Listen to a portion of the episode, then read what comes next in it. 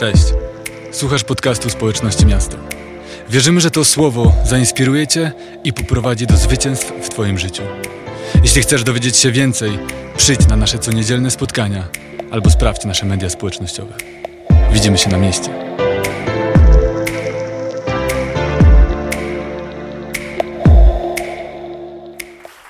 Dzień dobry, dzień dobry. Dziękuję bardzo, pastorze, za to przywitanie. Dziękuję Ci też za zaufanie, za Twoją przyjacielską i duszpasterską obecność w moim życiu. I dziękuję Bogu za to, w jak niesamowity sposób używa Cię, aby prowadzić tę społeczność. To jest fantastyczne i wierzę, że to nie jest tylko moja wdzięczność, ale wielu z nas na tym miejscu dzisiaj. Dlatego zaklaszmy gorąco dla pastora Alka. On jest wspaniały. I witam wszystkich Was, drodzy goście oraz wszyscy miastowicze. I chcę powiedzieć, że to jest dla mnie ogromny przywilej być w tym miejscu i mówić do Was z tej perspektywy. Ale muszę też się przyznać, że kiedy pastor Alek pierwszy raz podzielił się ze mną tym pomysłem, abym stanął tutaj i powiedział do Was kazanie, to zupełnie nie byłem do tego przekonany. Ale to się też zbiegło z takim czasem w moim życiu, kiedy Duch Święty zaczął kształtować we mnie pewną konkretną postawę. Taką postawę, w której nie chcę dłużej zamykać drzwi, jakie On przede mną otwiera. A więc powiedziałam, okej, okej, zrobię to. Zrobię to, bo to jest kościół, który kocham, zrobię to, bo to są ludzie, których szanuję, a więc chcę zrobić wszystko, co w mojej mocy, aby ich zainspirować. I wtedy Duch Święty przyszedł do mnie i wylał na mnie taki kubeł zimnej wody, albo jak to woli, dał mi otrzeźwiającego liścia i powiedział: Jeśli ty zrobisz wszystko, Michał, to co zostanie dla mnie? Bo wiecie, Kościół bez Ducha Świętego byłby jak takie kółko wzajemnej adoracji, a kazanie w najlepszym wypadku jak motywacyjna mowa. Dlatego zacząłem się modlić. Zacząłem się modlić o to, co On rzeczywiście chce uczynić w życiu swojego Kościoła poprzez to Słowo. I Duch Święty przyszedł w temacie powołania, objawiając mi też wiele życiowych lekcji, które sam odebrałem. I wierzę, że dzisiaj mam podzielić się z Wami niektórymi z tych lekcji, po to, abyście bynajmniej w niektórych obszarach swojego życia nie musieli uczyć się na swoich błędach, ale być może mogli wynieść też coś z moich. Amen? I przygotowując się do tego kazania, natknąłem się na bardzo ciekawe statystyki jeszcze sprzed okresu pandemii. I okazuje się, że 75% z nas, Polaków, była w miejscu życiowej satysfakcji. Pomyślałem sobie, wow, 75% całkiem niezłe statystyki.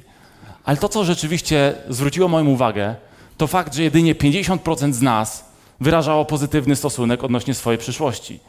Co za tym idzie, drugie 50 miało podejście ambiwalentne, takie obojętne, albo wręcz pesymistyczne. I to już jest według mnie zdecydowanie za dużo. I wiecie, nie trzeba być wcale wytrawnym analitykiem, aby uznać, że w czasie recesji gospodarczej, w czasie kryzysu, gdzie wiele biznesów zwinęło się, gdzie wielu przedsiębiorców dzisiaj liże rany, próbując odbudowywać swoje firmy, swoje pozycje, te tendencje, te nastroje mogą ulec jeszcze większemu rozciągnięciu w tę negatywną stronę. I pomyślałem sobie, że momentami bardzo podobnie jest w naszym chrześcijańskim duchowym życiu. Ponieważ z jednej strony jesteśmy zadowoleni z miejsca, w którym się znajdujemy, z kościoła, który tworzymy, z doświadczenia duchowej rodziny, ale z drugiej strony gdzieś z tyłu głowy przez cały czas towarzyszy nam lęk, o ile nie nawet strach przed naszym powołaniem, przed naszą przyszłością.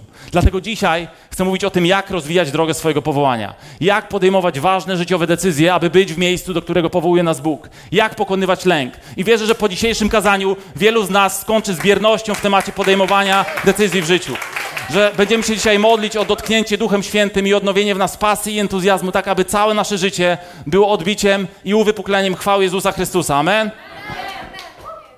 Kochani, i na początku chcę jeszcze położyć pewien fundament pod to kazanie i przypomnieć Wam wszystkim, że każdy z nas jest powołany do tego, aby swoim życiem usługiwać innym ludziom. Przeczytajmy pierwszy list Piotra 4, 10, 11. Każdy niech usługuje pozostałym tym darem łaski, który otrzymał jako dobry powiernik różnorodnej w swych przejawach łaski Boga. Powiedzmy razem każdy. Kto przemawia, niech mówi tak, jakby przekazywał słowa Boga. Kto usługuje, niech to czyni w sile, której On udziela, aby we wszystkim uwielbiony był Bóg przez Jezusa Chrystusa. Do Niego należy chwała i moc na wieki. Amen. A więc Piotr mówi o tym, aby każdy usługiwał pozostałym tym darem łaski, który otrzymał. Nie tylko pastor Alek, nie tylko Adam, nie tylko Hostim, pozdrawiam ekipę witającą, nie tylko Miasto Music, team techniczny ma pewne szczególne obdarowanie, ale każdy z nas jest powołany do tego, aby swoim życiem, swoim talentem, tym wszystkim szczególnym, co Bóg umieścił w naszym życiu, usługiwać innym ludziom. Bo z jednej strony Piotr mówi o potężnych duchowych darach, które przecież możemy wyróżniać, ale z drugiej strony mówi o prostych czynnościach, prostych codziennych czynnościach będących wynikiem postawy mojego i Twojego serca. I wiecie, takim podstawowym powołaniem dla nas, chrześcijan, jest kochać Boga, mieć z Nim relacje oraz swoim życiem wpływać na innych ludzi. I dla mnie takim pięknym wyrazem pielęgnowania drogi tego podstawowego powołania jest postawa wielu z Was na naszych miastowych domach modlitwy. Wiecie, ja mam przyjemność być jednym z liderów takiego domu, razem z moją szanowną małżonką Elżbietą. Ale na potrzeby tego kazania przeprowadziłem pewien research, pewne badania wśród innych liderów domów i jednym głosem doszliśmy do wniosku, że pięknym owocem tych domów są osoby, które biorą na siebie odpowiedzialność za te domy. Odpowiedzialność wyrażaną w obecności, w zaangażowaniu w dyskusję, w usługiwaniu historią swojego życia ku zbudowaniu innych, czy właśnie w modlitwie. I to jest wspaniała droga pielęgnowania drogi tego podstawowego powołania, ale też świetne narzędzie do tego, aby odkrywać to szczególne, to konkretne powołanie, które Bóg ma dla każdego z nas. I słuchajcie, druga rzecz, do której potrzebuję się Wam przyznać dzisiaj. Ja absolutnie nie zawsze byłem w miejscu takiej otwartości. Pamiętam swoje początki na domach modlitwy i to był taki czas, w którym przez pierwsze 40 minut podczas dyskusji zastanawiałem się, co powiedzieć.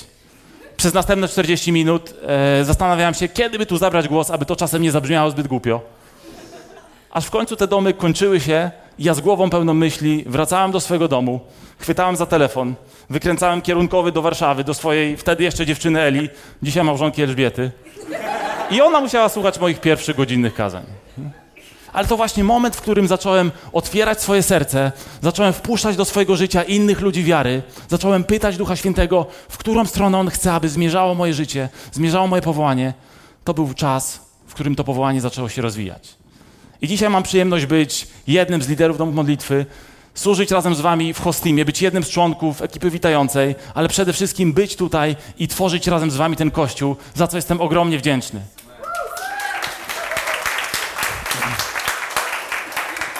Kochani, spójrzmy na słowa, które apostoł Paweł kieruje do swojego ucznia Tymoteusza. W drugim Tymoteusza 1:5.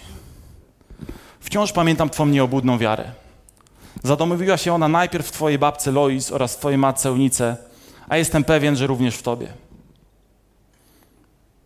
I musisz wiedzieć, że Tymoteusz został zaproszony, powołany do służby jako towarzysz misyjny apostoła Pawła.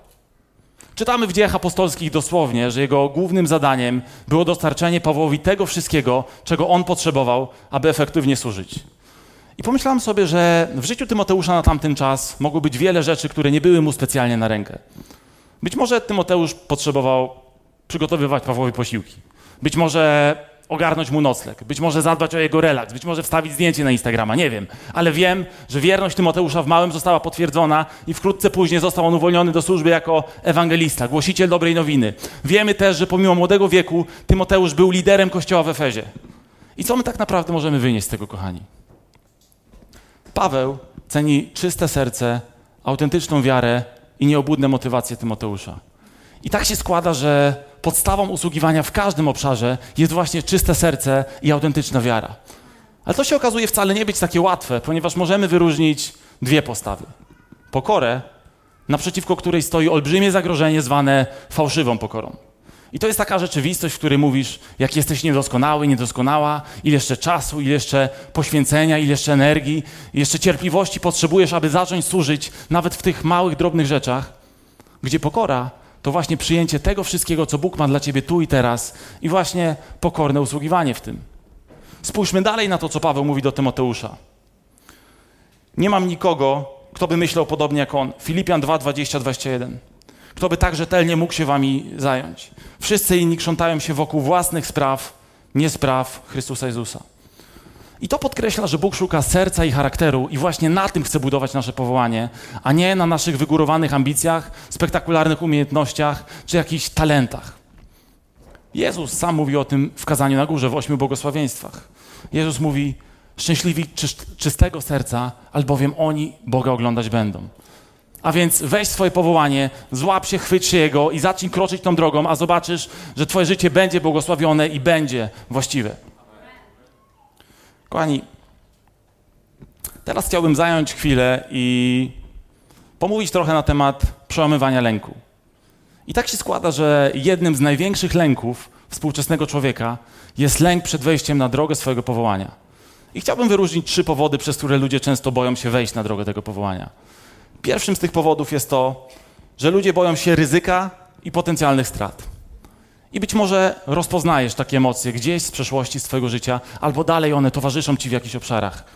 Być może chciałbyś zbudować wspaniałe małżeństwo, tak jak Adam i Ania Dzieciątko. Być może nawet podoba Ci się jakaś dziewczyna. Ona ma wspaniałe Boże serce, ale Ty boisz się zaprosić ją na kawę, bo myślisz sobie, kawa to już prawie zaręczyny. Co jeśli mnie odrzuci? Co jeśli mnie odtrąci? Co jeśli moje dobre imię, na które tyle pracowałem, zostanie gdzieś lekko nadszarpnięte? Albo inaczej, chciałbyś pójść za swoją pracą marzeń, otworzyć działalność gospodarczą, ale myślisz sobie, w dobie tak dużej konkurencji, w dobie kryzysu, moja firma od razu skazana jest na, po, na porażkę. Tyle, że ludzie otwierają i zamykają biznesy, ale jakoś nie lądują na ulicach. Spójrzmy tylko na takie osoby jak Mark Zuckerberg, właściciel Facebooka, czy Richard Branson, właściciel linii lotniczych, i zobaczymy, że ich pierwsze biznesy to były absolutne katastrofy. Ale cenne życiowe lekcje, które odebrali, doświadczenie, którego nabrali, kolejne próby, które podejmowali, dzisiaj stawiają ich w miejscu dobrze prosperujących biznesów, a my nazywamy ich ludźmi sukcesu. Pamiętam taką sytuację ze swojego życia, kiedy miałem okazję podzielić się przed jednym z takich nabożeństw jak to, z ludźmi służby, krótką inspiracją. I pamiętam, że przygotowałem ją nieźle, byłem przekonany o tym, co chcę powiedzieć, ale nagle spadła na mnie ściana zimnego potu, wszystko wewnątrz, totalnie zapomniałem o czym mam mówić i wszystko wewnątrz, kolor mojej twarzy mówił mi, abym skończył, abym dał sobie z tym spokój, ale jakoś dokończyłem tę inspirację, pomimo, że byłem totalnie niezadowolony. I pomyślałem sobie, gdybym wtedy wcisnął pauzę, gdybym wtedy powiedział stop i nie podejmował następnych prób, to dzisiaj nie miałbym okazji stać tutaj przed wami i dzielić się Bożym Słowem. I wnioski płynące z tych powyższych przykładów, z tych wyzwań, ale wierzę, że też z wielu innych, które być może ty dzisiaj masz przed sobą, są takie, że naprawdę lepiej jest podejmować ryzyko i nawet stracić coś, niż całe życie tkwić w bierności. No? I druga rzecz, kochani. Ludzie często boją się oceny ze strony rodziny i znajomych. I wiem, że tak jest, bo żyjemy w świecie, który generuje presję. Wiecie, media, media społecznościowe, idealny dom, idealna praca, idealna rodzina, idealne małżeństwo, idealne dzieci, idealny pies, idealny kot. Ja poniekąd byłem w tym miejscu. Życie ukształtowało mnie jako człowieka sportu i już podczas studiów na WF odczuwałem silne przekonanie, że praca jako trener personalny będzie zaangażowaniem moich wszystkich pasji i talentów. I kiedy już miałem witać się z gąską, kiedy już miałem złożyć CV, przyjąć swoją pracę marzeń, do mojego życia wtargnęło zwątpienie. Wiele osób z mojego bliskiego środowiska zaczęło zadawać mi pytania. Hej, czy to jest na pewno właściwy kierunek dla ciebie? Czy nie lepiej byłoby ogarnąć sobie coś bardziej stabilnego? Czy nie lepiej byłoby znaleźć pracę na etacie, pójść do wojska albo odnaleźć się jako przedstawiciel medyczny? I rzeczywiście moje myśli gdzieś zaczęły dryfować wokół tych tematów. Zastanawiałem się, w którą stronę moje życie powinno powędrować. Ale to był też czas mojego nawrócenia. I Duch Święty zaczął wyraźnie konfrontować mnie i zadawać pytania. Którego głosu w swoim życiu słuchasz najgłośniej? Twoich lęków, Twoich obaw, Twoich niedoskonałości, Twojej rodziny, Twoich znajomych, a może Boga, który mówi do Ciebie, nie bój się i nie lękaj, bądź mężny i mocny, bo ja, Pan Bóg Twój, będę z Tobą, dokądkolwiek pójdziesz. Wiesz, Bóg 365 razy w swoim słowie mówi, nie bój się i nie lękaj i to jest najlepszy powód dzisiaj dla mnie i dla Ciebie, abyśmy podejmowali w swoim życiu odważne decyzje. Jezus podejmował odważne decyzje, pomimo tego, że nieustannie był konfrontowany ze strony swojej rodziny, ze strony swoich uczniów, ze strony polityczno-religijnego establishmentu, ale treścią jego życia było wypełniać i realizować realizować wolę Ojca. I wierzę, że taki sam plan On ma dzisiaj dla życia każdego z nas. Amen?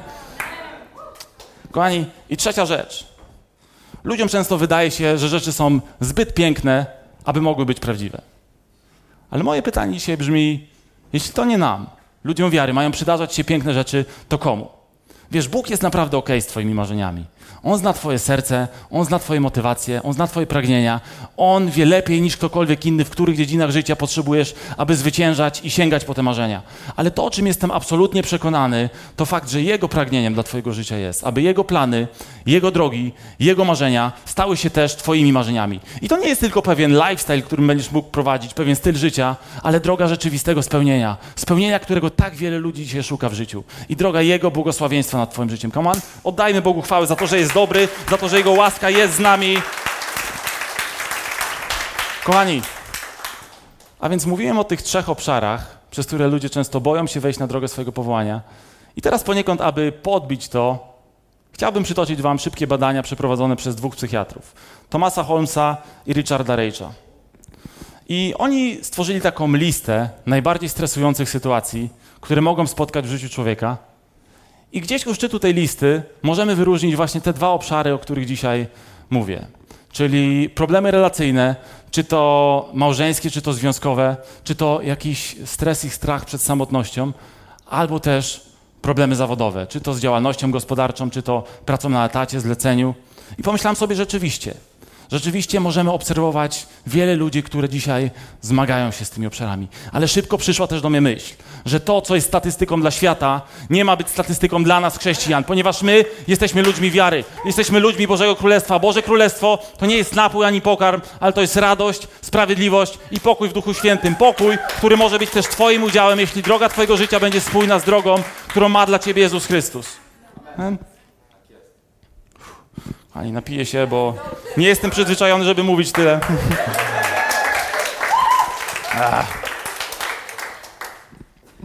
Kochani, mówiłem o tym, jak Paweł ceni czyste serce Tymoteusza. Ale dalej mówimy o jego powołaniu. Przeczytajmy 2 Tymoteusza 1, 6, 7. Dlatego przypominam Ci, rozpal na nowo dar łaski Bożej, który jest w Tobie przez nałożenie moich rąk. Bóg bowiem nie dał nam ducha lęku, lecz mocy, miłości i trzeźwego myślenia.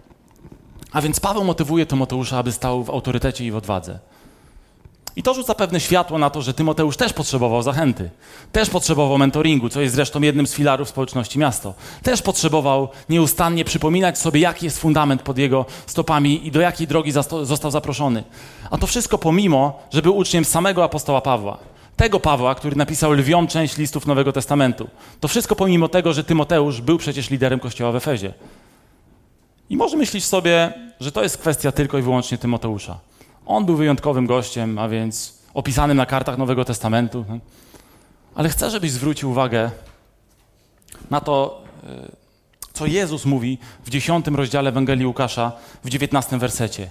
Jezus nie mówi tylko do jednego ucznia. Jezus nie posyła nawet swoich słów do dwunastu swoich najbliższych uczniów, ale On posyła 72 uczniów, co tak naprawdę symbolizuje cały ogół uczniów, czyli również każdego z nas. I chcę Ci przypomnieć, że jeśli oddałeś swoje życie Bogu, jeśli oddałeś stery swojego życia Jezusowi, to wypełnił Cię Duch Święty, przyjąłeś dar Jego łaski i pełnisz określoną rolę w ciele Chrystusa.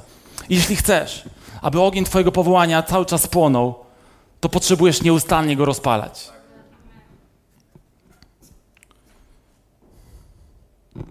W Księdze Przysłów czytamy pięć słów, które są nieskomplikowane w swojej konstrukcji, ale jakoś mocno wpływają na moją wyobraźnię. Być może wpłyną też na Twoją. Przysłów 26-20 czytamy, że kiedy nie ma drewna, ogień gaśnie. I to jest tak niesamowita prawda dla tak wielu obszarów naszego życia dziś. Bo kiedy chcesz rozwinąć się zawodowo, kiedy, chcesz rozwinąć się biznesowo, relacyjnie, kiedy chcesz rozwijać swoje marzenia, to potrzebujesz zainwestować swój czas, swoje zaangażowanie, swoje finanse, swoje poświęcenie. I tak samo jest, kiedy chcesz rozwinąć swoje duchowe powołanie potrzebujesz zanurzyć się w modlitwie, potrzebujesz stanąć w uwielbieniu pomimo okoliczności, które być może widzisz w swoim życiu, potrzebujesz trwać i szukać obecności Ducha Świętego, potrzebujesz rozpalać swoje po powołanie, ponieważ kiedy nie ma drewna, ogień gaśnie. Już za chwilę staniemy w modlitwie o rozpalenie naszych duchowych darów, o odnowienie w nas pasji i entuzjazmu. Ale zanim to zrobimy, pozwólcie, że podsumuję to, o czym dzisiaj mówiłem. Kluczem do odnalezienia i rozwinięcia swojego powołania jest przede wszystkim przyjęcie swoich darów i możliwości, jakie mam tu i teraz, w pokorze i ze szczerą, autentyczną wiarą. Druga rzecz przełamywanie lęku. Podjęcie decyzji, że to głos Ducha Świętego jest najważniejszy w temacie mojego powołania, a nie lęk, opinie innych ludzi czy racjonalność. Oraz trzecia rzecz to właśnie nieustanne rozpalanie swoich duchowych darów. Ale może słuchasz tego przekazu o czystym sercu, o nieobudnej wierze, o nieskazitelnych motywacjach i myślisz sobie, moje serce nie jest tak czyste jak to, o którym mówisz. Moje myśli czasem są oddalone od Bożego standardu. Moje motywacje nie zawsze są doskonałe.